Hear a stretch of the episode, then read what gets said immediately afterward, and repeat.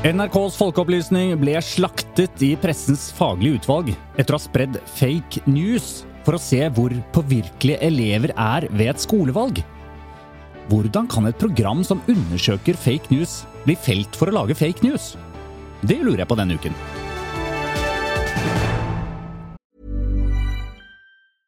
Hey, I'm Ryan Reynolds. Recently, I asked Mint Mobile's legal team if big wireless companies are allowed to raise prices due to inflation. They said yes. And then when I asked if raising prices technically violates those onerous two year contracts, they said, What the f are you talking about, you insane Hollywood ass?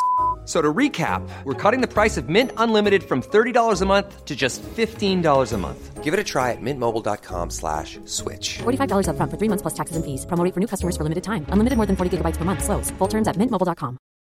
Millions of people have lost weight with personalized plans from Noom, like Evan, who can't stand salads and still lost 50 pounds. Salads, generally, for most people, are the easy button, right? For me, that wasn't an option. I never really was a salad guy. That's just not who I am. But Noom worked for me. Get your personalized plan today at Noom.com. Real Noom user compensated to provide their story. In four weeks, the typical Noom user can expect to lose one to two pounds per week. Individual results may vary. Tut og mediekjør er endelig tilbake, og dette er en podkastserie som graver seg bak nyhetsoverskriftene du leser hver dag. Hva slags etiske regler følges eh, og følges ikke? Hvordan jobber journalistene? Vi ønsker å vise frem alt dette til deg, så du kan skjønne litt mer hvordan nyhetene du leser og hører hver eneste dag, lages. Eva Sandum, velkommen. Takk for det. Svein Tore Bergestuen, velkommen. Tusen takk for det! Det var deilig å være tilbake. Ja, du, det var jo fint. Og jeg heter for øvrig Christian Lydemar Strander. Eh, Vi har jo hatt en liten, eh, lite sånn eh, arbeidsuke. Ja, eller arbeidsuhell. Eller... Arbeidsuhelluke. altså, Først skal gikk en under en stige, og så kom det en svart katt over veien. Ja. Og så datt Christian ned et kumlokk. Ja. Noe sånt var det. Sånn var det. vi skal ikke gå så veldig nøye inn på hvorfor det ikke ble en episode forrige uke, annet enn at jeg bare vil forsikre meg Christian, om at du har nå tatt på rekk. Har du det? Nå har jeg tatt på rekk, så da er alt rekk. Så da kan vi faktisk bare begynne. Er dere klare? Yes. Eh, I tillegg til å snakke om NRKs folkeopplysning, så må vi også innom eh, at eh, en programleder i NRK uttalte vi må aldri glemme hvor ræva Israel er. Og et par timer senere fikk han 300 klager rett inn på publikumsservice. Ja, han gjorde det. Så eh, vi, må, vi, må, vi har fått inn et lytterspørsmål. Veldig gøy eh, akkurat om det. Det Ja, for de har jo lagt seg flate, så saken er på en Ja måte oppe og avgjort. Men vi har jo veldig skarpe lyttere, da. Ja, så det, det, det blir gøy å, å snakke med dere om. Eh, Men la, la oss ta en runde rundt bordet aller først. Eh, Svein Tore, vil du begynne, eller? Jeg, jeg begynner gjerne. Ja. Eh, altså, Vi kalte jo dette runde rundt bordet, vi har kalt det hjertesukk. Og, og til nye lyttere, bare. Altså runde rundt bordet. Da tar vi tak i noen saker som har irritert oss, gledet oss i løpet av denne uken. Ja. Og jeg vil eh, nå kalle min, mitt lille hjertesukk for Til eftertanke. Oi, litt trist. Ja, Det er fritt etter Øde Nerdrum, for de som har sett han på Farmen. Han sier efter. Det Ja. syns jeg, eh, jeg er eh, deilig å høre. Så det er ditt innspill til dagens Ja, så runde? eh, eftertanke Nei, altså, jeg Ja, sånn, ja. har tenkt Jeg tenkte faktisk i dag tidlig da jeg sto i dusjen, at det prosjektet vårt er litt som å eh, Det er litt sånn Don Quijote-opplegg. Altså, vi slåss mot vindmøller når vi prøver å heve tilliten til redaktørstyrte medier ved hjelp av liksom, kunnskap og forklare hvordan ting Ja, det er det vi gjør, ja. Mm. Fordi dette er litt sånn Jeg tror det er umulig, på en måte. Altså, det er tillit til norske medier. Altså, Tilliten til norske medier er ganske høy. Ja, Det den må vi er være klar veldig over. høy i Veldig høy. internasjonal sammenheng. Mm. Men eh, når, man, når vi snakker med folk da, om mediene, så ja, jeg slutta å lese Dagbladet, det er bare ræva. Eller jeg stoler ikke på pressen. Eller journalisten er sånn og sånn. NRK Og de gjør er, ikke jobben sin. jo, ja. ikke sant? Det er veldig mye eh, liksom, diskusjoner rundt hvor dårlig pressen er. Og det tror, jeg tror jeg har kommet fram til hvorfor. Um, Ehm, fordi for eksempel medienes behov, legitime behov, for å vinkle hardt, lage overskrifter, tyne liksom siste rest ut av en nyhet for å late som det nesten er litt annet enn det der, som vi har snakket om før. Den har de, for de må få folk eh, til å lese, og få folk oppmerksomme. Det er salg, rett og slett. Ikke sant? Men det i seg selv bygger ikke tillit. Det er det motsatte. Altså, Både det at man vinkler veldig hardt, jeg skal gi et eksempel på det snart, eh, og at, at folk som er i kontakt med journalister, har ofte en ikke sånn veldig veldig god opplevelse. fordi det er skummelt, men også fordi at de opplever at det de sier, kanskje ikke blir presentert på den måten. De opplever f.eks. at når de er, eh, snakker om sitt fag, da, så klarer ikke journalistene på en måte å være presise nok. Og da tenker folk å ja, og de klarer ikke å få det riktig, og dette kan jeg faktisk noe om. Hva da med de, alle de andre områdene som journalistene dekker? Er det like liksom eh, upresist der? Så alt dette, denne forenklingen som journalistene må, må drive med, denne vinklingen de må drive med, det er på sett og vis med på å bygge ned tilliten, har jeg tenkt. Så det er, en slags, det er en slags gordisk knute her som er vanskelig, men så kan man si at vi leser jo fortsatt aviser. Vi ser nyheter. Hvorfor gjør vi det? Hvis vi liksom på en måte er så misfornøyd som det skulle høres ut. Hvorfor gjør du det, hva? Det er ikke noe alternativ. Nei, Skal vi okay. vite hva som foregår i verden, så må vi forholde oss til mediene.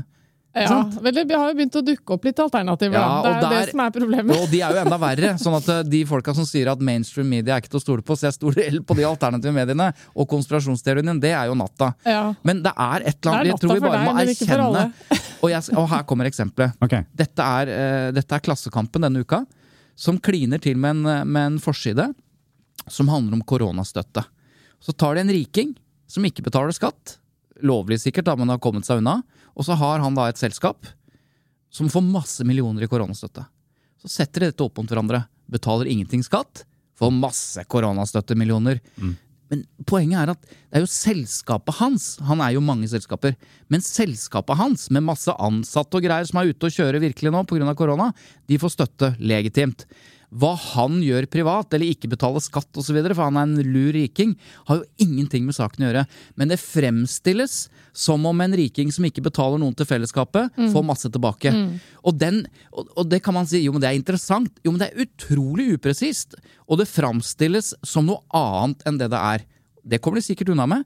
Dette er et, bare et dagsaktuelt eller ukesaktuelt eksempel på hvordan mediene for å skape oppmerksomhet, vinkler upresist, unyansert, og folk oppdager dette og tenker 'herregud'. Men det, det, er, det, er jo, det er jo bra å, å, at du skiller selskap og person, men samtidig òg, når det er altså, det, det er jo veldig enkelt å ta ut et gigantisk utbytte rett etter at en, et firma, firmaet ditt har fått uh, veldig mye egenkapital. For du kan ikke ha for mye egenkapital i din egen business. Det er ikke det som er saken her nødvendigvis, da. Men det fremstilles som om det er likhet mellom, sels mellom eier og selskap.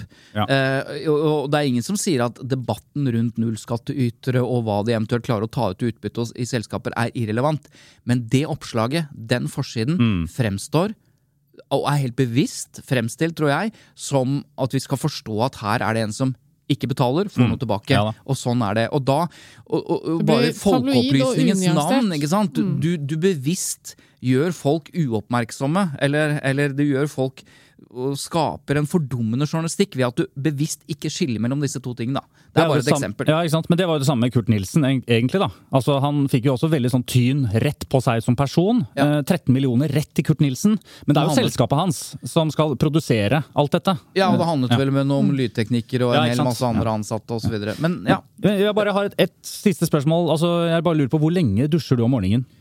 I dag ble det et stund, altså. Ja, jeg hører Eh, det. Så vi rakk ikke alt vi skulle rekke. Kom inn her eh, full av energi. Ja, og så måtte jeg ut av dusjen for å notere. Ja, det var det. Og du har, for du har fortsatt papir som du må Nei da, notere på. jeg har det på mobilen her. Ja, okay, men, eh, Har du ikke sånn vanntett mobil som du kan dusje jo, jeg kan jo ikke stå og ikke- notere i dusjen. Har du ikke om sånn, har du ikke sånn vanntett papir? Ja, det er faktisk, Når du sa det sånn, så Ja, kanskje, kanskje skal det er det de egentlig har tenkt at man skal kunne. Du, det må jo være mulig å, bare få inn en sånn iPad i mellom flisene. Altså sånn Ja, 20 jeg. ganger 20. Så kan du bare sånn, scrolle eh, mens du står i dusjen. Kan se på video jeg, mens Ja, du må da passe på å ikke ha Jeg tuller. eh, Jeg tuller. mobilen eh, koblet til strøm Ja, i forbindelse Ja, der, med vann. Det må du da passe på. Her står det i uh, Det Vær er varsom-plakaten. Det er livsfarlig. Vær varsom med Vær det. varsom. Ok, dere, okay, vi det var en litt lang greie, men det var- eh, ok. Det ja. var det Men jeg jeg syns det var en veldig fin altså, uh, velkommen, Holdt på å si velkommen etter, men uh, Velkommen tilbake. Det, dette er, du setter jo ord på det store problemet. Jeg er helt enig med deg. Dette Mm. med tillit opp mot hvordan eh, mediene hele tiden må liksom eh, vinkle, vinkle, vinkle. Tabloidisere, tabloidisere. Det er jo det som er uh, utrolig frustrerende å være vitne til, på en måte. Og apropos tillit, eh, Eva. Hva syns du om Bent Høie? Hva syns du om Bent Høie? Ja. Sånn generelt, liksom. Ja. Uh, nei, jeg liker fyren godt, jeg. Men jeg, altså, på onsdag kveld så kom den nyheten om at eh, endelig en gladsak i koronaen Ja. på kvelden. Og så syns jeg det var så søtt, for at det, han har jo den derre Han har jo litt sånn, hva skal jeg si eh, Jeg synes liksom, Han har et litt sånn stramt ansikt, Ja, du har, du har kritisert mimikken hans flere ja, jeg episoder. vil ikke si det kritikk, eh, Nei, eller kalle det kritikk. Observasjon. Ja, jeg føler at det er mer sånn eh, At det, jeg syns det er litt sånn artig, fordi det er sånn han er, bare. At jeg, jeg klarer ikke å se så mye bevegelse i ansiktet. når Du han ser på det som en mulighet, ikke en utfordring? men så tenkte jeg på, det var vel onsdag kveld, at eh, da, da var liksom budskapet at endelig en gladnyhet. Nå er snart eh, de på pleiehjem, de eldre, vaksinert. Så nå kan de endelig klemme, liksom. Og så så jeg at det, idet han skulle si det, når han var inne i studio, jeg tror det var hos NRK, så liksom fikk han på seg et sånn veldig påtatt smil, akkurat som kommunikasjonsrådgiveren har sagt. Nå må du huske på Å ja. å smile, for Det dette er en gladnyhet, liksom. Ja. Og så rett klipp til reportasje fra et uh, pleiehjem. Og så første denne dama sier er Nei, altså, jeg er ikke så glad i å klemme. det så jeg! Det så jeg! Det var så kleint! Altså, dette, og jeg, reporteren bare Jo, men blir det ikke litt fint å, å klemme, da? Jo da, altså. Ja, s- barnebarnet mitt er ja, sikkert koselig, jeg, jeg så det. Jeg tenkte jo sånn intervjuteknisk også, så var det litt utfordring der. ikke sant? Fordi han vil så veldig gjerne at de gamle folka skal bare Ja, vi kan klemme! Og, og da forsøker du å få bekreftet det du antar, og det er jo helt legitimt å anta at de er glad for det. Ja. Og så er det som du sier, gå rett på en smell. Jeg er ikke det så glad i å klemme. jeg. Vi skal ikke for at de da viste det, egentlig. da. For det, det Det typisk ville jo vært at det bare vi bruker det. Ja, det var direkte. Det var direkte. For det, Det var typisk det som er var så liksom, Nei, det bekrefta ikke vår hypotese, så vi dropper det. Det er jo litt sånn Ja. det fort kan bli. Jeg er helt sikker på at det er 53 personer rundt i Norge som eh, planlegger nå en sånn klemmemusikkfestival. På Facebook òg. Ja. Litt, kan melde deg litt på. farlig budskap fra Høie der. Jeg lurer på om dette kommer til å slå tilbake på han. Denne feiringen av Men han klemming. smilte på kommando, i hvert fall. Det var Ja, fint det å se. var, ja, det var fint å se. Jeg Han har har, et- jo han har et tenkt flott smil. Ja, det var det, ja. Jeg har jo tenkt på noe, jeg òg, denne uken. Har du det? Mm. Gratulerer. Jo da, takk. takk. Eh, nei, altså, jeg får jo stadig uh, Flasher da opp uh, disse bildene fra angrepet på kongressbygget Ja. i USA. Altså 6. januar. Ja. Um, og de bildene er jo krystallklare, for vi lever jo i 2021, så alle har jo gode kameraer. Du er Eh, imponert over at, at det er i fokus? Ja, så var det egentlig som var mitt uh, greie. Det er kjempebra fokusbilder. om Bra fokus. Nei, altså, og, så, um, og det betyr at uh, jeg sånn annenhver dag får jo et sånt bilde i avisen uh, hvor jeg ser direkte inn uh, på alle personene som står foran der. Og jeg, og det er jo krystallklare briller, jeg ser jo helt tydelig hvem det er. Så eh, Kjenner du dem? det er jo det, altså Hvis det hadde vært bestefaren min eller hvis det hadde vært onkelen min, så hadde jeg jo sett han med en gang. Ja, De er Eh, identifisert? Eh, de er identifisert, Ja. ikke sensurert. Og de bildene der florerer jo hver eneste dag. Sensurert er noe annet, men det er, det er greit, det. Nei, de er ikke sladdet, da. Ja. Ja. Er ikke det sensurert? Er ikke det sensurert? Nei, det vil jeg si er noe annet. Ja, ja, for vi har vært inne på at sensur er noe helt annet Ja. enn Ja, ok. Ja, men nå er du sånn pressehuet ditt.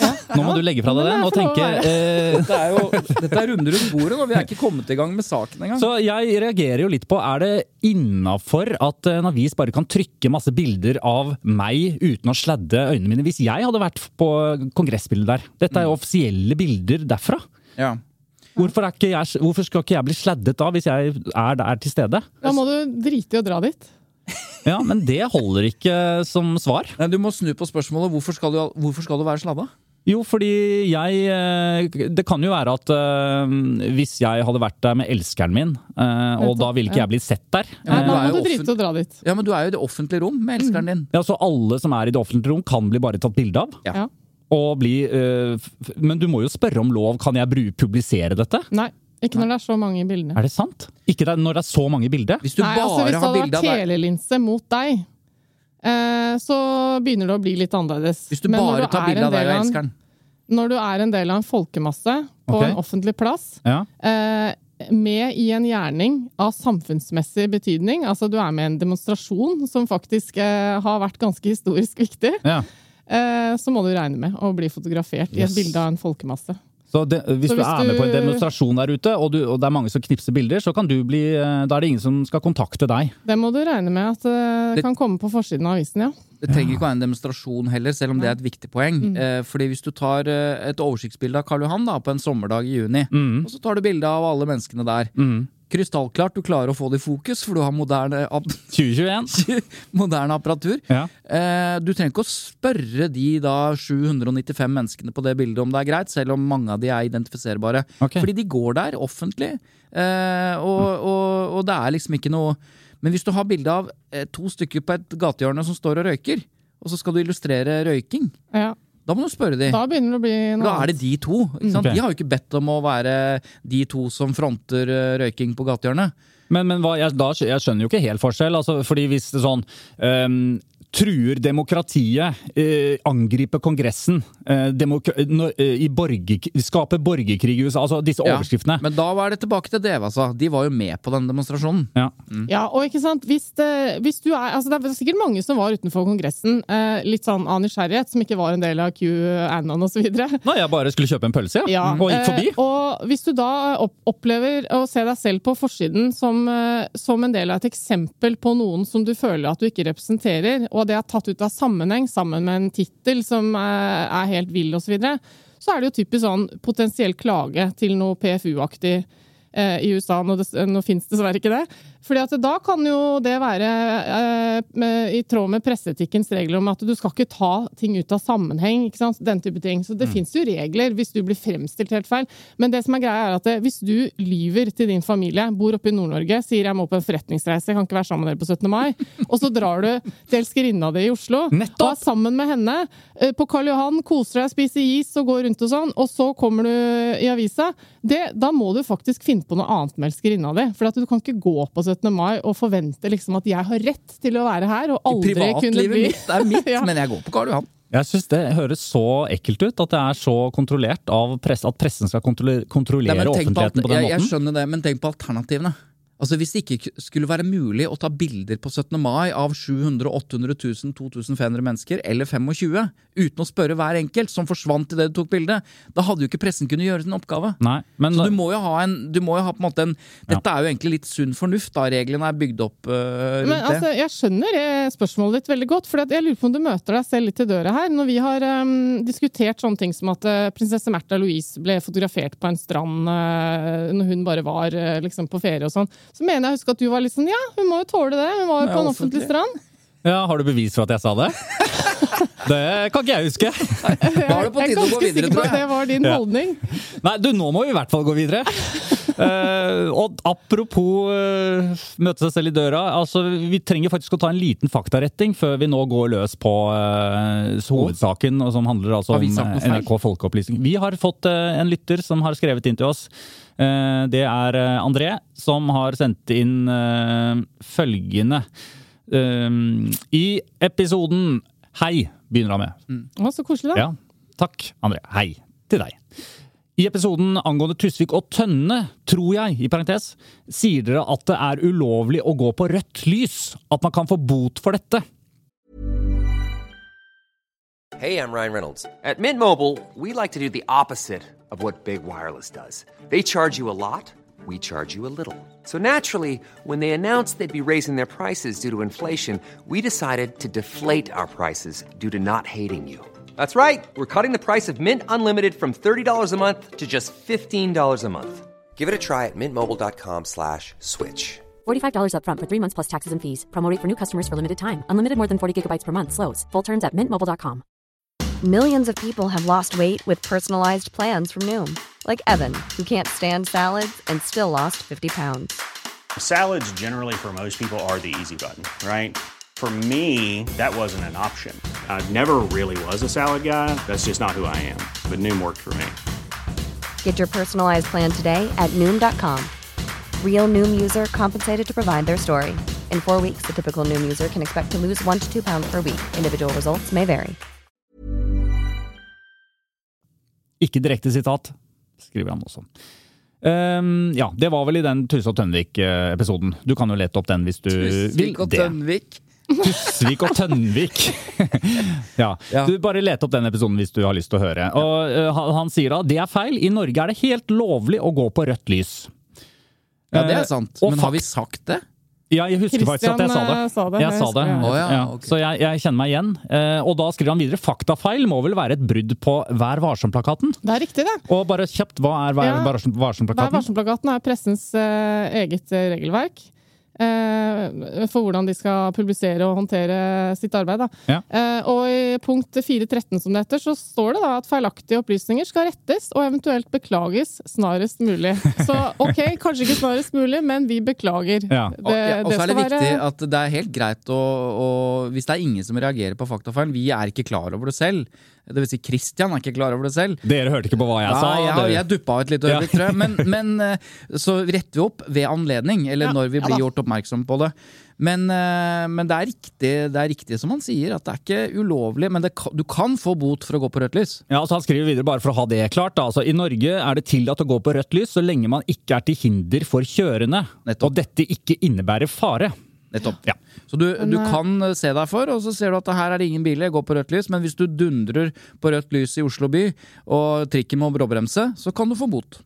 Det som jeg skulle ønske man kunne få bot for, Mm. var når man løper over på rødt lys i Kirkeveien eh, foran 200 skolebarn som står eh, skolerett og venter. Ja. Fordi man skal rekke bussen og er stressa og skal på jobb og sånn. Forbilde. Og er et elendig forbilde for et problem som er så stort for de skolebarna. Ah!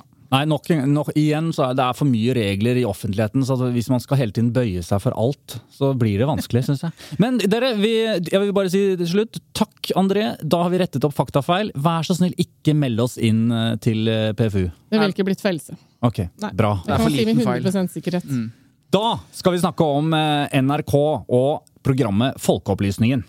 For de ble jo felt forrige uke i Pressens faglige utvalg for eh, programmet de laget som de kalte Make Lillestrøm Great Again. Eh, hvor de da skulle teste ut hvor utsatt eh, er egentlig demokratiet vårt for påvirkning.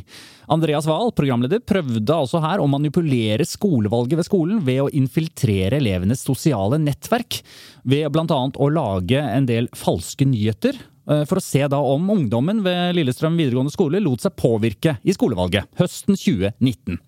Det gjorde de. eh, Og eh, det gjorde også at de ble skikkelig felt. Slaktet, som jeg sa i åpningen her, i PFU. Og NRK har for så vidt lagt seg flate.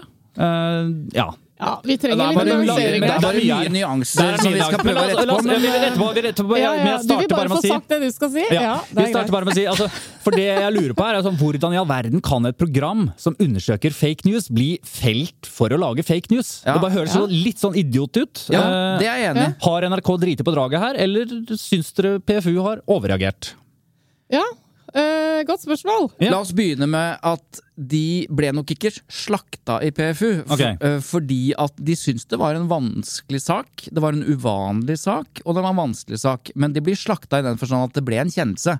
Altså, de ble felt. Ja, akkurat. Um, Det er ikke grad av felthet. Det fins ikke. men, men det var en Jo, det det nyansert faktisk. eh, ja. debatt. Eh, men pressens faglige utvalg kom fram til dette med én dissens. Altså det var ett medlem som ikke var enig i den fellelsen. Men vi kan vel avsløre i starten kanskje allerede, Eva, at Tut og Mediekjørs faglige uh, utvalg Råd? Hvem er det igjen? igjen? Det er uh, er det? oss når vi føler for det.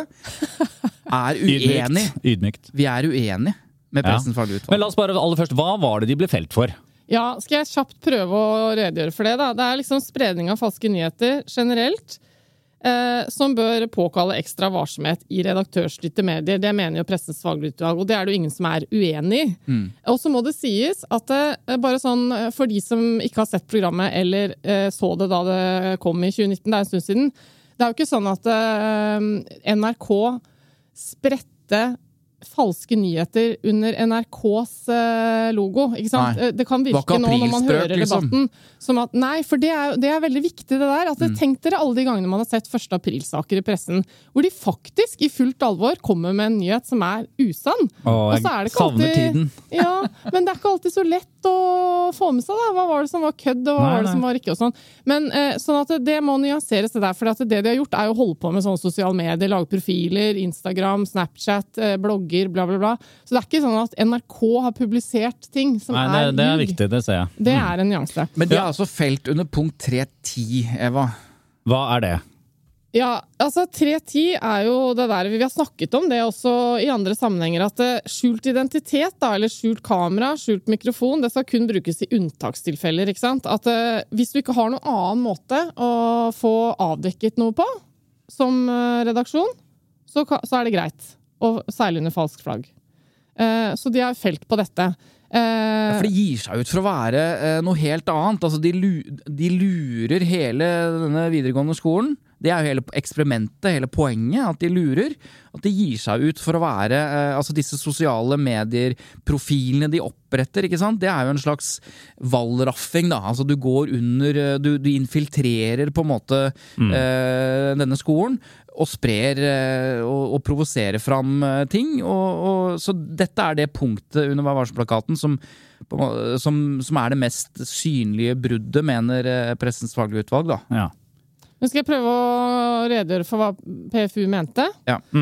Og så var det det at de mener at NRK burde tatt med i vurderingen at det ikke var mulig å liksom, overskue konsekvensene av valgeksperimentet. Altså det at uh, ungdommer på uh, Lillestrøm videregående skole, noen av dem, faktisk hadde stemmerett i lokalvalget. lokalvalget. Ikke sant? Så det hadde kom innvirkning på demokratiet vårt, faktisk. Ja, potensielt. Men så må det sies at eh, dette var snakk om eh, 900 elever til sammen, og enda færre som ble eksponert for disse tingene som NRK sto bak, bare så det er sagt, da. Altså, og så mener jo de at eh, eh, NRKs manipulasjon må vurderes i et demokratisk perspektiv. Altså at det, ja, det at det må vurderes eh, som et ledd i en eventuell påvirkning av et faktisk valg, da. Så de, jeg føler at de gjør det poenget veldig stort, når det i realiteten er veldig lite. Bare så det er sagt. Og det er jo nettopp dette her eh, vår lytter Espen ikke forstår i det hele tatt. Eh, hvordan kan folkeopplysningen bli felt på de tingene du nevnte nå, Eva? Um, altså i punkt 1.5 så, så står det jo at det er pressens oppgave å beskytte enkeltmennesker og grupper mot overgrep eller forsømmelser fra offentlige myndigheter og institusjoner, private foretak eller andre. Og så skriver Espen da, er det ikke akkurat det Folkeopplysningen gjør her? Gjennom sin metode så beskytter de enkeltmennesker og grupper mot overgrep fra offentlige myndigheter. Så her er det jo på en måte en motparagraf i Vær varsom-plakaten som de jo oppfyller. Altså som de som, Nei. Og derfor så slår de begge dører slår begge veier. Ja, jeg skjønner at det er litt vanskelig å formulere akkurat det spørsmålet, for dette er vanskelig. For dette, PFU har på en måte snudd formålsparagrafen 1.5 på hodet. For som du sier, altså Første kapittel i Vær varsom-plakaten handler jo ikke om at du skal være varsom med ditten eller være varsom med datten. Det forteller hva pressens rolle er. Og 1.5 forteller liksom at, at pressen skal være skal beskytte mennesker og enkeltgrupper for overgrep mot myndigheter og statlige og sant, alt det der flotte og fine. De skal skrive om folk som ikke får den medisinske behandlingen de fortjener, og Ja. sant? folk som blir forsømt. Da. Det er det som er tanken Så det å bli felt på 1-5 er jo å snu den Det de nå har gjort, da, er at de snur den helt på hodet. Ja. Og jeg tenkte et lite øyeblikk, er det, fordi, er det fordi de mener at NRK er en del av staten? At NRK Ja, på en måte sant? som en del av myndighetene nærmest har overgrep? Nei, det mener de ikke. Eh, Men de mener at, at Hva er varsom-plakatens punkt eh, 1.5, som beskriver denne plikten til å beskytte, da, eh, at den er relevant. Eh, I dette tilfellet så, så mener jeg at NRKs manipulasjon må da vurderes, som eh, Eva har vært inne på, i et sånn demokratisk stort perspektiv, eh, og konsekvensene for unge mennesker og valgutvalg osv. Dette var det flere i, i, i Pressens faglige utvalg som reagerte litt på, som tenkte her må vi være litt forsiktige og felle på, på en sånn type paragraf og snu den på hodet, fordi det, det er et eller annet som er vanskelig her. Og det har, det har vedkommende helt rett i, som sa det, fordi det, dette er en fellelse som, som jeg bare mener er helt feil. Altså, greia Og hva mener det- du da, Iva? Altså, det programmet her setter jo søkelys på den største trusselen mot demokratiet. Det er jo det det gjør, ikke sant? Det at, eh, og, og på en veldig effektiv måte også, for det viser hvordan vi kan bli manipulert og påvirket av, eh, av folk med, med dårlige hensikter eh, til å mene noe, stemme noe ved et demokratisk valg osv. Det har vi hørt om før, og det er jo litt av poenget med diskusjonen her, som gjør at ingen tar jo feil. Det er riktig å si at eh, dette kan belyses uten de metodene som er skjult identitet og skjult kamera. Ja, sånn, du kan fordi fortelle du kan- at det er sånn. Du kan vise til hvordan de holdt på Det er, det er bevist at Russland blanda seg inn i USA-valget. Det er bevist at det finnes folk som, øh, som øh, oppretter falsk identitet og driver med fake news og sånn. Men eh, tingen er jo bare at jeg så eksempel et program med barna mine i går, eh, og spør dem etterpå liksom hva, hva, hva føler dere nå? Hva tenker dere? For at eh, Sønnen min på ni har hatt om kildekritikk på skolen denne uka, her, så han vet hva det dreier seg om. Men det er jo noe med at de ser Oi, jøss, å ja, det kan faktisk gjøres sånn. De satt liksom og måpte litt underveis. og sånn. Å ja, kan du lage en profil? Oi, guri meg, liksom, du kan sette sammen et profilbilde av tusen forskjellige portretter, lage et navn, få det, liksom, bruke et halvt år på å bygge opp en profil som skal skape troverdighet. En jente som er norsk, som bor i Sør-Afrika, som har tenkt å flytte hjem til Norge, og da skal begynne på Lillestrøm, bygger opp en sånn følgerskare som skaper interesse, for så etter noen måneder å komme med falske nyheter for å få folk til å bli litt mer glad i Senterpartiet. Og så, og så blir det sånn, å fader, liksom, for at det er noe med å oppleve det, se det så nært. da. Og det var jo Pressens faglige utvalg også enig i når de satt og Ja, diskuterte alle dette. her, er enig i intensjonen, på en ja, måte. og at det ikke nødvendigvis eh, er mulig å oppnå den samme effekten ved å rapportere om fakta og vise til andre saker og sånn. ikke sant? Det er jo alltid sånn. Det er jo det vi husker fra Vi gikk på skolen selv og så den der The Wave-filmen. Nei, jeg husker ikke. Nei, jeg husker ikke. Nei, er det sant? Å ja! Jo, jo, jo! jo, det er jo, sånn jo eksperiment uh, hvor alle ble mindfucka. Ja, ja, ja, ja. Og så etterpå så satt man bare helt blown away av liksom Å, Er fader. det, er det er et tips? Uh... Ja, men det er jo fra liksom 70-80-tallet eller noe sånt, så ja, nå er kanskje dette programmet et bedre tips, da. Men, Ja. men Kristian, eh, jeg skal, hvis jeg får lov Altså uh, grunnen, Du til at jeg, eh, grunnen til at jeg er dundrende uenig i denne fellelsen, Mm. eh, det er fordi at jeg, når jeg sitter og hører timevis på denne argumentasjonen som de har, disse pressefolka eh, Disse pressefolka Der sitter de, vet du. ja. Rotter Så mener jeg, jeg mener at argumentasjonen ikke holder. Jeg mener at rent sånn etisk eller moralfilosofisk, da, som dette egentlig er, for det handler om intensjon og det å, å forsøke å gjøre noe som er kjempeviktig, på en kontroversiell måte, riktignok. Eh, jeg mener at skadebegrensningene, eller skadevirkningene, er begrensa. Jeg tror, jeg, jeg tenker at, altså Elevene sier selv at de lærte. De fleste sier at de lærte av dette. Altså, det, Til og med skrevet et innlegg i Aftenposten en uke her fra en av dem, Ja. som på en måte støtter programmet og Nettopp. Så det er jo ikke elevene som klager, husk på det. Noen gjør det. Ja, men det er jo Landsorganisasjonen for ungdomspolitikere, eller hva det heter, som klager, og og det skjønner jeg at politiker, ungdomspolitikere føler seg lurt, og syns dette er vanskelig. Men poenget er at han som tok dissens, han er filosof, og hans argumentasjon mener jeg holder. For det handler om det gode. Altså det klassiske målet helliger middelet. Og i en sånn sak, som Eva har sagt, det er den største trusselen mot vårt demokrati, det er eh, fake news og, og at eh, redaktørstyrte medier mister grepet om virkeligheten. Og når hele prosjektet handler om å vise fram det, og hele prosjektet er mye mer effektivt enn en nyhet i Aftenposten eller en nyhet i Dagbladet, ja, så må man se på det. Man kan ikke da ta en beslutning i pressens faglige utvalg basert på frykt. Altså frykten for presedensen, at alle andre begynner nå å gjøre dette. For det er jo helt urealistisk. Og om så noen begynner med dette nå, så kan jo de avgjøre den saken eh, uten å liksom se hen nødvendigvis til Da si den saken hver for seg, folkeopplysningen, den var innafor fordi sånn og sånn. Dette er utafor. De Vi kan jo bestemme det. Ja. Ja, sånn at derre- det derre derre bildet de begynner å tegne om at det var så alvorlig demokratisk Hallo, skolevalg på Lillestrøm. Det var ikke alvorlig. Punkt én. Det vil ikke få masse presedent og store konsekvenser, tror jeg.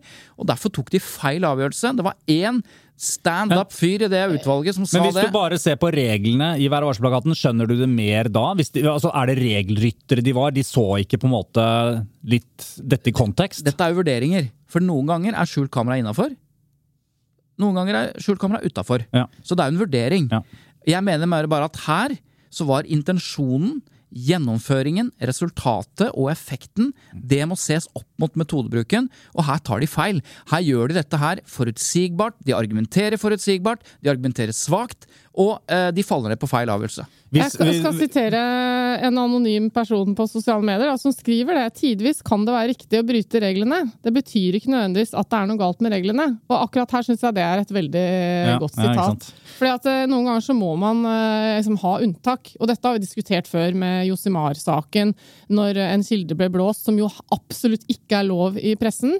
Men så kan man tenke seg at det er mulig å bryte reglene for det gode formål. Da. For det han Øyvind Kvalsnes som tok eh, dissens i Pressens Ja, filosofen. sant? Det er det derre gjøre godt-aspektet opp mot unngå skade-aspektet. Og så må man veie de to tingene.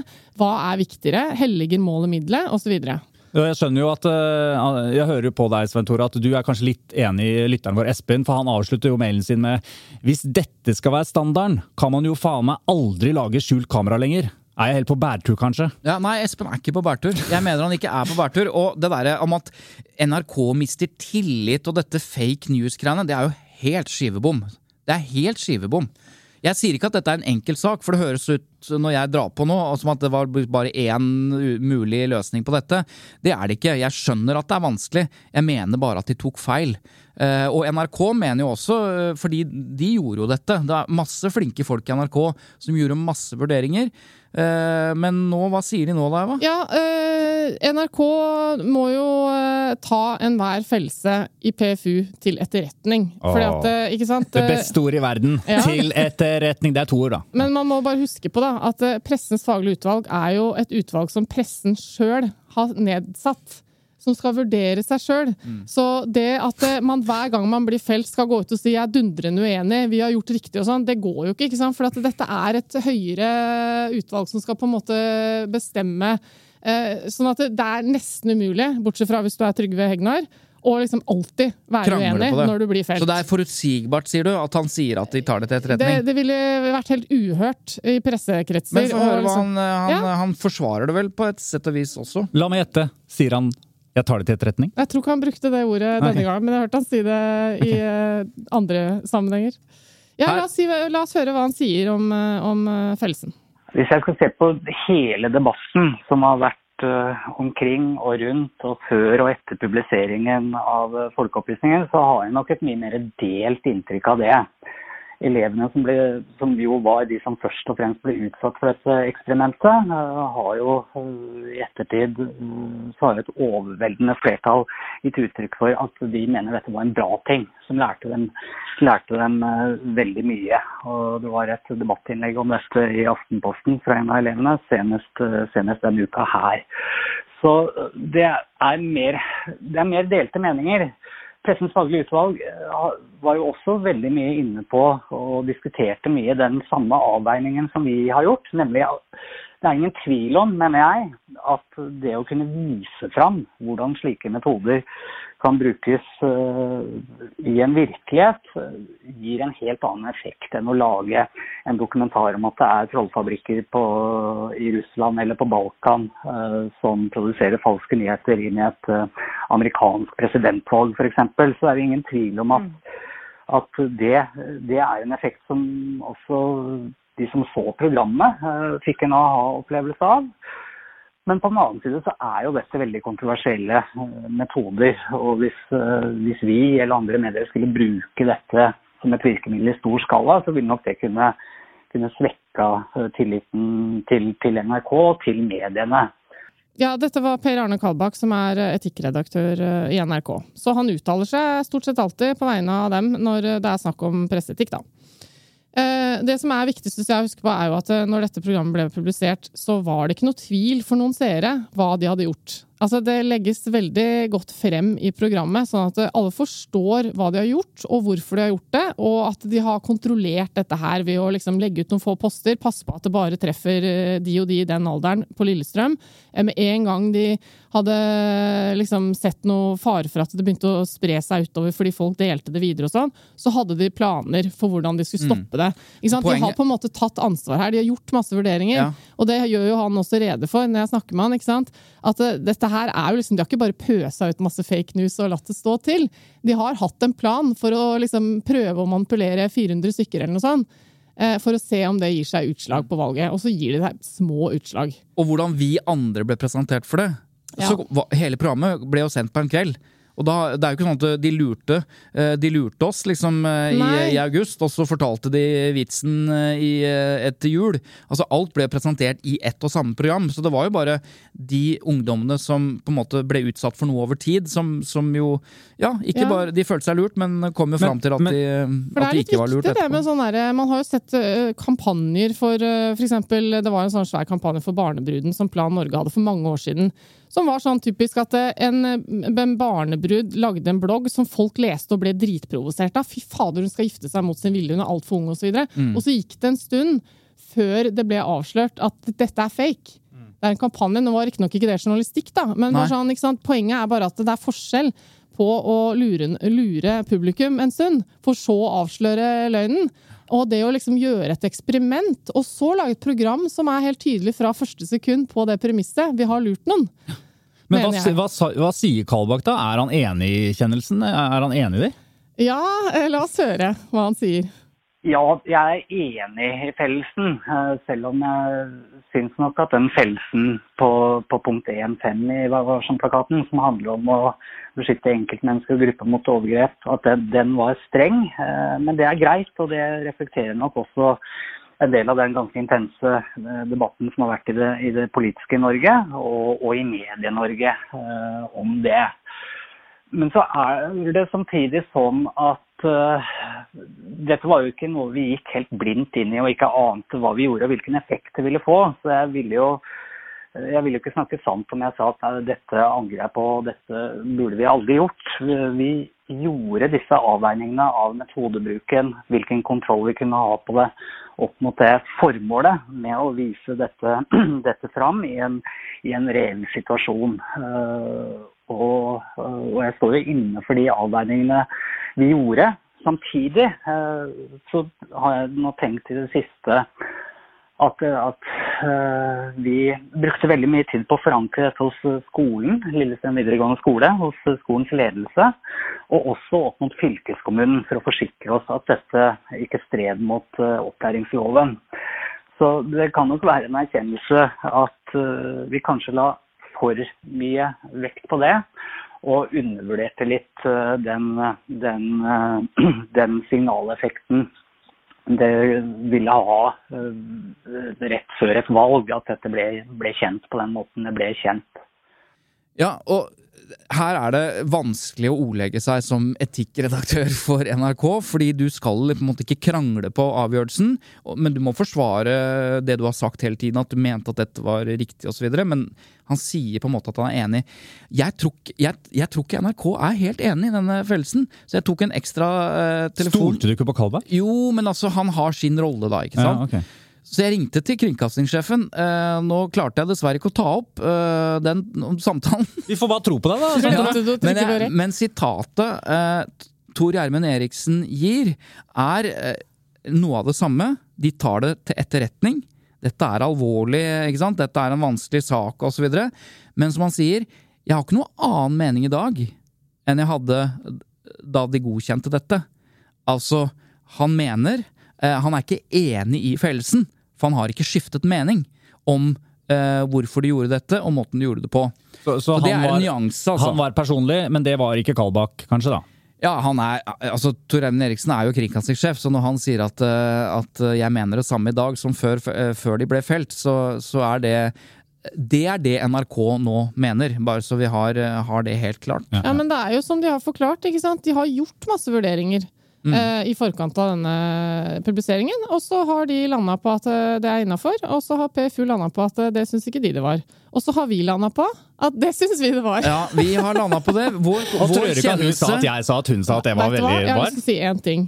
Som jeg mener er større fare for å påvirke et demokratisk valg i Norge. Og det er alle de meningsmålingene herfra til Oi, oi, oi. evigheten! Ny sak, som ny sak, ny mediene sak. holder på med i ah, det Ja. uendelige. Ja, det er det er et større problem Ja, enn det ny- programmet her. Du, da, det, det må vi ta opp en, i en Ja. eh, senere episode. Ja. Det er jeg enig i. Det er en, eh, det er en ny sak. Men skal vi få Eh, flere eh, oss, medlemmer eh, i Tut og Mediekjør sitt uh, faglige utvalg for å komme med flere kjennelser i neste program? Eller skal vi, skal vi si dette var et unntak, at vi går inn og virkelig uh, liksom uh, uttrykker sterk uenighet med utvalget? For vi, Ja, vi er jo enige med, med mindretallet, da. Ja, Ja. Med mindretallet, som er en veldig veldig bra fyr som heter Øyvind. Du, Jeg fikk lyst til å hoppe videre til et ja. nytt lytterspørsmål. Kom igjen. Det er Hege som har sendt inn her. Hun skriver Hei, er kommunikasjonsstudent på Universitetet i Agder og digger podkasten deres. Å, jeg aner meg at dette er et veldig bra spørsmål. Veldig oppvekt lytter. Ja, veldig fint. Ehm, er, og hun spør Er en radiopersonlighet ansett som journalist? Og hvordan kan den da ikke kritisere et lands okkupasjon? Og denne saken syns jeg er så spennende. eh, fordi det handler jo da eh, om eh, NRKs programleder Sean Henrik Matheson. Han leverte jo en tirade mot Israel i programmet sitt Sean på NRK eh, P13. Og dette her var noe av det han sa. Israel er en eh, okkupasjonsmakt. Det er et apartheid-regime der eh, noen mennesker er mer verdt enn andre mennesker. Eh, Og der disse andre blir utsatt for systematisk undertrykkelse. Deres land blir stjålet fra dem. Eh, Der de mister strøm og vann eh, hvis de ikke oppfører seg ordentlig. Eh, Og skulle en hjemmesnekra rakett eh, lande et eller annet sted hos Guds utvalgte folk, eh, så gjennomføres grusomme hevnaksjoner der tusenvis av mennesker blir drept. Gjerne barn. Kan det virkelig komme gode nyheter fra dette landet? Ja, på en måte. På en måte som du har eh, hørt, og dersom vi kun skal tenke på selv, og glemme alt av eh, overgrep og drap eh, som israelerne utfører på det palestinske folk. Og bare timer etter dette så fikk NRK 300 klager fra lytterne. Vebjørn eh, Selbekk, redaktør i Dagen, mente eh, da at det Shaun sa på direkten var antisemittisk. antisemittisk. KrF har reagert, og NRK har nå trukket innslaget fra episoden og beklaget. Og det er jo derfor spørsmålet til Hege er så gøy. Fordi Men før spørsmålet til Hege, så må Ja. vi bare legge til at det vi hørte her, var ikke hele tiraden. Og det som gjorde at Vebjørn Selbekk og andre mente at det var antisemittisk, var jo blant annet at han antydet, eller sa, at eh, han håpet nærmest at vaksinen ikke ville virke. Ja, det er det mest alvorlige Det er det alle Og, til eh, slutt hang seg opp i. Israel. Ja, Ja, fordi Fordi at det du da sier, er at du håper at de ikke får vaksine, og håper at de nærmest dør av denne koronasjukdommen. Og det, det, er, det, er, det skjønner jo alle at det er jo helt på tur å si. Ja. Fordi Virkelig. Det er jo liksom viktig å understreke at det første han sa om Israel og, og folket i Israel, og sånn, det er på en måte ganske etablerte fakta, som også FNs resolusjoner har, eh, har konstatert. ikke sant? Mm. At Israel er en okkupasjonsmakt eh, overfor palestinerne og alt det der. så det er FN ikke sier ikke, riktignok ikke at de er et ræva land, men, Nei, eh, men altså, det er hans ord og sånn, men det er bare viktig det at han sier ting som, som han har lov til å si i henhold til ytringsfriheten, men Ja så er det ting som går litt over streken. så er det Og så er det Hege, som da egentlig går ut på dette at Shaun er jo et personlig program. Det er Shaun som eh, er programleder for Sean. Eh, og da snakker jo Shaun som seg selv, opplever jeg som lytter. Eh, så hvorfor skal ikke da han da få lov til å mene det han vil på lufta? Akkurat som kommentatorene i en avis kan skrive akkurat hva de vil, Det kan de ikke. uten at den meningen Jo, det kan de, De- men de- uten at, uten at den meningen må tilhøre avisen. Sånn har jeg forstått det. Ja, det er riktig. Det er riktig. Altså, hun reagerer på at ikke hva de vil, men, men de, kan, de kan mene noe. De kan ha en personlig Ja, ja. mening. Det er en kommentar som står for kommentatorens regning. Ja. Det er ikke lederartikkelen som hele avisen. Riktig. Ja. Det er riktig. De kan Så- ikke drive sjikane mot folkegrupper eller oppfordre til vold. Det er mange ting de ikke Ja, kan. ja. Ja, ja, ja, ja. Men eh, spørsmålet til Hege syns jeg er veldig relevant. fordi at eh, Det er lett for å tenke at ja, men journalister for man, ikke sant? Han er jo journalist. Ja. Sean, eh, Sean Henrik er jo mm. journalist. Men han er jo ikke i journalistrollen. Han lager jo ikke reportasjer. Han er jo ikke, eh, det er jo ikke journalistikk. Hvis dette skulle vurdert ut fra Vær varsom-plakaten, så ville det ikke vært eh, vurdert ut fra at, at, dette, at han ble felt fordi han var subjektiv eller mente noe. Fordi jeg, jeg er helt enig med, med Hege er at eh, her er jo eh, Sean Henrik en, en kommentator. Han kommenterer livet, eh, landet, Ja, eh, altså, det han ser rundt seg. Sammenligningen til Christian er jo riktig. er Han er riktig. mer som en kommentator. Takk, Eva. Ja. Ja. Og derfor så, så kan han mene hva, hva pokker han vil, innenfor de rammene Ja, som gjelder men, for ytringsfriheten. men det er et poeng her, og det er at eh, ansvarlig redaktør i et medie, altså Mm. eh, eh, Tor Gjermund Eriksen i NRK, er ansvarlig for alt som blir publisert i NRK.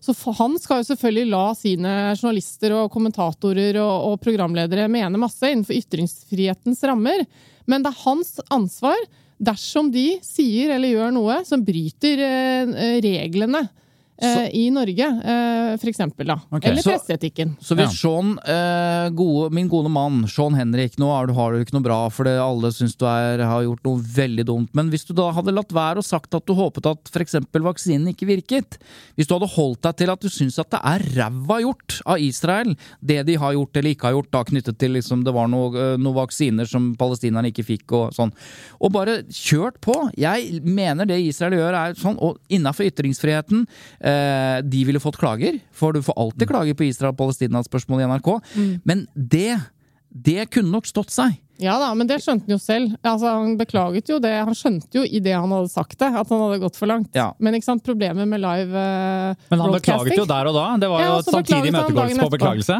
Ja da, nei, men det er ikke nødvendigvis dermed sagt at du kan si hva som helst, og så etterpå bare Nå dro jeg det kanskje litt for langt, og så er det greit. Beklager, og så er alt greit. Men uh, poenget var bare at uh, han også skjønte uh, Ja. at han gikk for langt. Men, men, og men det han blir beklaget det. Ja, ikke sant. Ja. Ja. Men jeg syns jo fortsatt at, eh, at de- Selv om NRK skal stå bak, så lurer jeg jo på Er det ikke sånn også da i en kommentar, så det må jo gjelde også for VG når en kommentar der, eh, kommentator der har en kjempekontroversiell mening, eh, som går innenfor, for det har man vurdert. Eh, men eh, da må jo avisen også stå inne for den. Ja, Ja, Men- det, men da, da skjønner jeg ikke helt at det da på en kommentar i en avis står 'dette er ikke avisens mening'. Jo, fordi de må jo stå innenfor De må ha redaktøransvaret tilsier eh, ikke sant? Innenfor en, en publikasjon, da, så skal de sette på trykk både journalistikk, som skal være eh, presentivt balansert, og kommentarer som kan være superknallharde, subjektive, lederartikler og andre. Husk på at redaktørene i VG har også ansvaret for leserinnlegg som helt andre vanlige folk på gata mener. Altså, han VG står jo ikke inne for meningen til Johan fra Tøyen. Hvis Sean hadde skrevet Nei. et innlegg i VG hvor han ordla seg akkurat sånn som han gjorde på lufta på radioen, mm. så hadde VG måttet si eh, fint det at du mener alt dette her, men du må stryke den setningen hvor du faktisk eh, liksom ønsker Israels eh, folk død. Ja, altså i ytterste konsekvens. Ja, ja, ikke sant? altså, Så redaktøransvaret handler jo om å tenke at dette er innafor. Dette er innafor ytringsfriheten. Her tråkker vi ikke på enkeltpersoner og enkeltgrupper, så det kan få lov til å stå. Jeg mener ikke. Men, det men jeg som redaktør mener at dette er innafor. Det er forskjellen på en eh, lederartikkel som VG mener at sykehusene ikke skal legges ned, eh, eller hva det måtte være. Ble du noe klokere? Jeg har lyst til å bare komme med Ja. nyanse. Jeg og har det er at eh, et tilleggsspørsmål, men jeg vil Ja. på nyansen din først. Kanskje jeg får svar da? Kanskje. Hvem vet? Ja. Uh, innenfor pressen så skal det være ekstra stor takhøyde innenfor det som heter satire. Det er et godt poeng. Ja. Sånn at eh, der Sean eh, er- går man generelt litt lenger. Mm. Men jeg er ikke så sikker på om dette var satire. Eh, Men Sean, da vil jeg si det, altså, for Sean er en, er en lett programleder som er en humorbasert, lett tone. Altså, Ja så, så jeg vil Men det si at helst, Men det ikke er jo gå utover Det er ikke greit at det går utover uh, folkegrupper. Uh, ikke sant? Hets mot folkegrupper er jo ikke greit. Nei, Nei, men det er, veldig, det er interessant det du sier, Kristian. Du har jo bakgrunn som standup-komiker. Ikke sant? Uh, og du kjenner sikkert sånn. Du var i hvert fall nå veldig på fornavn med han, men du vet i hvert fall hvem han er. Og du prøver nå å beskrive han som en slags eh, At det er noe komikk og humor og Absolutt. noe greier i bakgrunnen der. Men dette er, dette er vanskelig. Dette Ja. var jo vi inne på når vi eh, skikkelig fillerista Tusvik og Tønne. og Tønne. Ja. Mm. Som jo ikke, det er ikke noe tvil om at det er en humorpodkast, og at, at de er humorister og sånn. Men når de går ut av humorrollen og nærmest bare hetser og sjikanerer, uten at du egentlig forstår at det er en vits eller en satire Det er ikke 58 Nyhetskanalen hvor du bare per deff skjønner at det er tull og fanteri. Det er vanskelig, og spesielt for en programleder som Sean. Jeg tror ikke alle oppfatter han som eh, at alt han sier er satire. Dette for eksempel mente han jo. Ja, men eh, det, det, han har jo den, han har jo den der podkasten med altså, Trump mot verden. det er jo han er som har hatt den, den, som nå er ferdig. Men likevel, det har jo vært hele tiden en sjargong der som har vært humor, lett, eh, og vært sånn beinhard på ting, men tullete bort. Ja da, og jeg syns Ja. dette er vanskelig, eh, fordi det er som, det er som dere er inne på, ikke sant? at innenfor satire og humor så skal det være større takhøyde. Fordi det er den formen. Men når det blir uklart for folk om det er satire, det oppfattes ikke som satire, det oppfattes bare som en knallhard mening, så er det litt vanskelig å komme trekkende etterpå at jo, men min bakgrunn skulle tilsi at eh, jeg, jeg, dette var satire. Det må forstås ut fra det konseptet det er, da. Og, der, eh, og så tror jeg alle er enige om at han gikk for langt. Absolutt alle. Men eh, Hege, som spør Nei, han er ikke journalist. Nei. Han, er, eh, han er seg selv, og som en kommentator i et medium. Han rapporterer ikke fra virkeligheten, han kommenterer Ja. det som skjer. Og NRK er knalltydelige. De har jo beklaget og har trukket noe innslaget. Er det innafor, egentlig? At de bare trekker det fra mediehistorien som skal ligge der ute? Ja, vi har vært inne på det før, og jeg, jeg lurte litt på det. Jeg tenkte litt på det, jeg òg. Det er derfor vi velger å, å, å, å si, sende en del av dette klippet. Men eh, ja, jeg vet ikke. Ja, og Kan vi sende egentlig det klippet da? For da har jo de trukket det, så egentlig så sender vi noe som ikke er publisert. I Ja, så fall så forbeholder vi oss sitatretten for å sette det i kontekst, da, ettersom vi diskuterer det. Det er jo Ja. ikke sånn at eh, det er forskjell på å stå eh, og, og mm, eh, Skal vi si Og sitte. Med, og med, å stå og reise opp og rope ut det Hitler eh, ropte og sa, altså, og det å omtale hva han sa, i en kontekst. Men det er der har vi fortsatt eh, relevant å kunne vise til klipp fra talene Hitler holdt, for Mm. å sette det i en historik, historisk kontekst. Så spørsmålet ditt er jo relevant. Men jeg tror kanskje her at uh, man må liksom akseptere at NRK velger å ta det vekk, så ikke det bare det, den dritten han uh, lirer av seg, blir spredt til Også- hele NRKs Ja, og så skal det sies da at eh, NRK uh, har nok uh, bæsja på leggen litt for ofte i, altså også på dette området. Det var jo en apropos satire som også fikk ordentlig gjennomgå. Eh, noe sånn jødevits som var helt ute. Eh, sånn at eh, de er litt på radaren nå.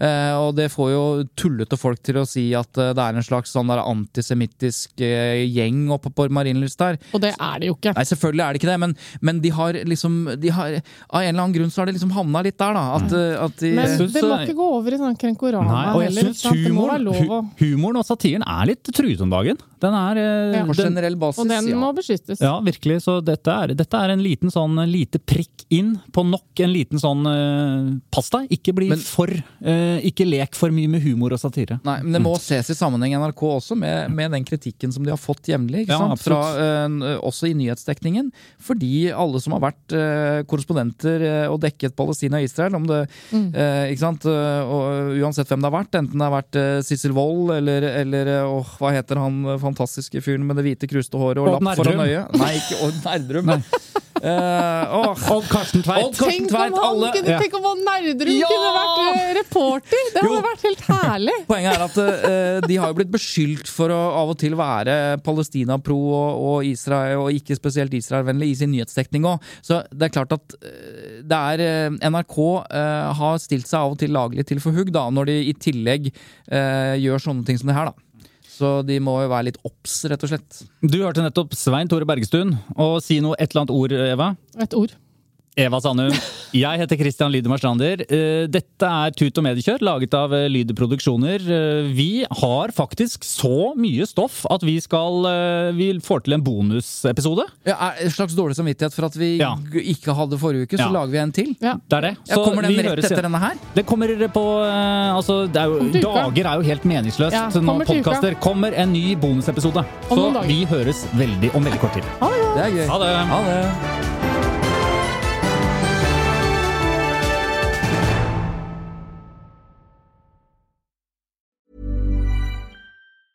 A lot can happen in the next three years. Like a chatbot may be your new best friend. But what won't change? Needing health insurance. United Healthcare Tri Term Medical Plans are available for these changing times. Underwritten by Golden Rule Insurance Company, they offer budget friendly, flexible coverage for people who are in between jobs or missed open enrollment. The plans last nearly three years in some states, with access to a nationwide network of doctors and hospitals. So, for whatever tomorrow brings, United Healthcare Tri Term Medical Plans may be for you. Learn more at uh1.com. When you make decisions for your company, you look for the no-brainers. If you have a lot of mailing to do, stamps.com is the ultimate no-brainer. Use the stamps.com mobile app to mail everything you need to keep your business running with up to 89% off USPS and UPS. Make the same no-brainer decision as over 1 million other businesses with stamps.com. Use code PROGRAM for a special offer. That's stamps.com, code PROGRAM.